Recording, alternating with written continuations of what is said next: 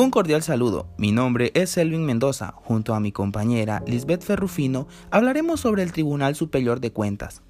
El Tribunal Superior de Cuentas es el que está regulado por la Ley Orgánica del Tribunal Superior de Cuentas creada mediante el Decreto 10-2002 y algunas reformas del artículo por el Decreto 145-2019.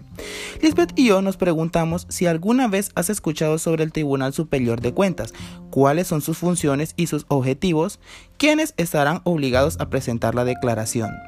Así que, sin más preámbulo, conversaremos sobre ello y más. A ver, Lisbeth, saludo. ¿Qué me dices sobre el Tribunal Superior de Cuentas?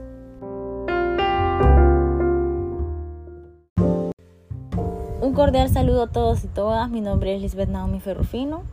Selvin, es un placer estar aquí nuevamente con vos. Y respondiendo a tu interrogante sobre el Tribunal Superior de Cuentas, decimos que este es un ente rector del sistema de control de los recursos administrativos, con autonomía funcional y administrativa de los poderes del Estado. Este solamente va a estar sometido a lo que es la Constitución de la República y las leyes. También este es responsable ante el Congreso Nacional de los actos ejecutados entre el ejercicio de sus funciones y las funciones a posterioridad de fondos, bienes y recursos administrativos de los poderes del Estado, como ya les mencioné. También de las instituciones descentralizadas y desconcentradas, incluyendo los bancos estatales mixtos, la Comisión Nacional, las municipalidades y de cualquier órgano especial o ente público o ya sea privado que resida o administre los recursos públicos de fuentes internas o externas. Y el objetivo esencial es la dirección, orientación, organización, ejecución y supervisión del sistema del control, que este se regula en la ley orgánica del Tribunal de Superior de Cuentas. Entonces, lo que le compete es esencialmente el control económico financiero de la gestión y resultados de la probidad y ética pública, así como también lo son los bienes del Estado.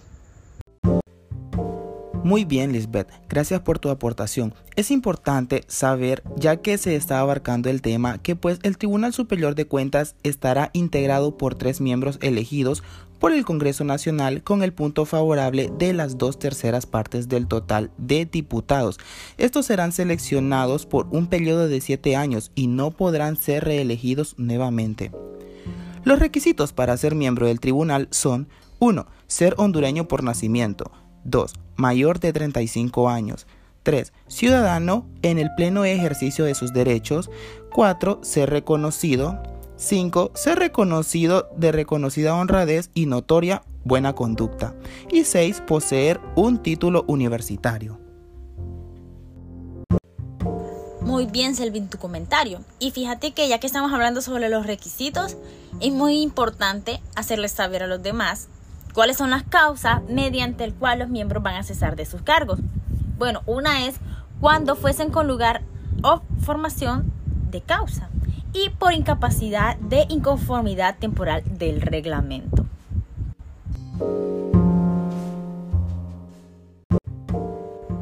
Viéndolo bien, es muy importante hablar sobre el tema del Tribunal Superior de Cuentas.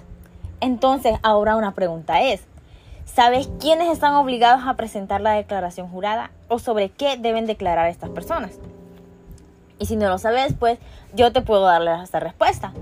Mira, van a estar obligados a presentar bajo juramento en la declaración de ingresos activos y pasivos. Todas aquellas personas investidas de instituciones públicas permanentes o ya sean transitorias, remuneradas que desempeñen o hayan desempeñado cargos públicos de elecciones popular, elecciones de segundo grado, por nombramiento o por contrato en cualquiera de los poderes del Estado, o ya sean en entidades de cualquier naturaleza que reciban recursos financieros este, aparte de lo declarado, los funcionarios públicos deben declarar también sobre otros ingresos que tengan. Estos pueden ser como provenientes de un divorcio, actividades profesionales, bienes, cuentas bancarias y entre otros que puedan existir.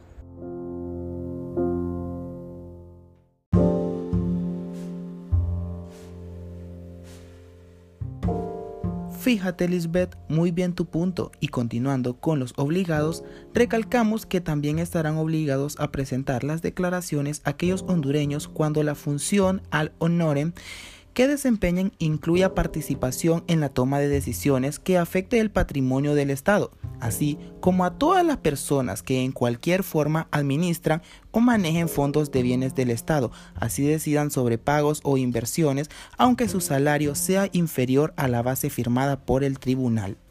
Las declaraciones serán presentadas ante el tribunal o ante quien delegue la facultad de los formularios que el efecto se buscan comprimiendo la relación de los bienes activos donativos de su cónyuge o compañero de hogar e hijos menores de edad el tribunal incorporará el uso de tecnología informática. Para las declaraciones presentadas, la persona que tiene que presentar su declaración de ingresos activos y pasivos debe serlo identificándose colocando un número de documento nacional de identidad DNI y un número de expediente que te que tenga que el Tribunal Superior de Cuentas, sobre todo si es actualización de datos, ya que si es por primera vez, el número de expediente será asignado a alegarlo por primera vez ante el Tribunal Superior de Cuentas.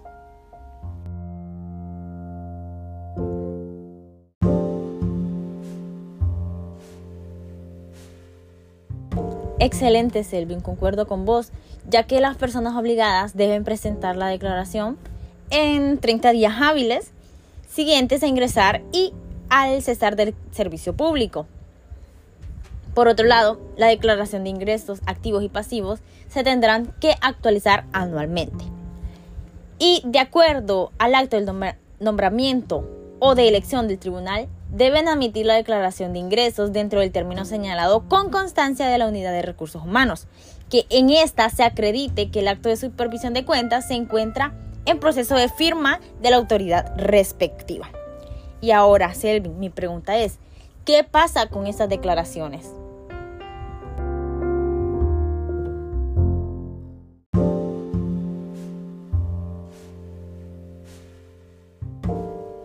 Ok, Lisbeth. Para estos casos existen multas y sanciones, y las multas serán por omisión.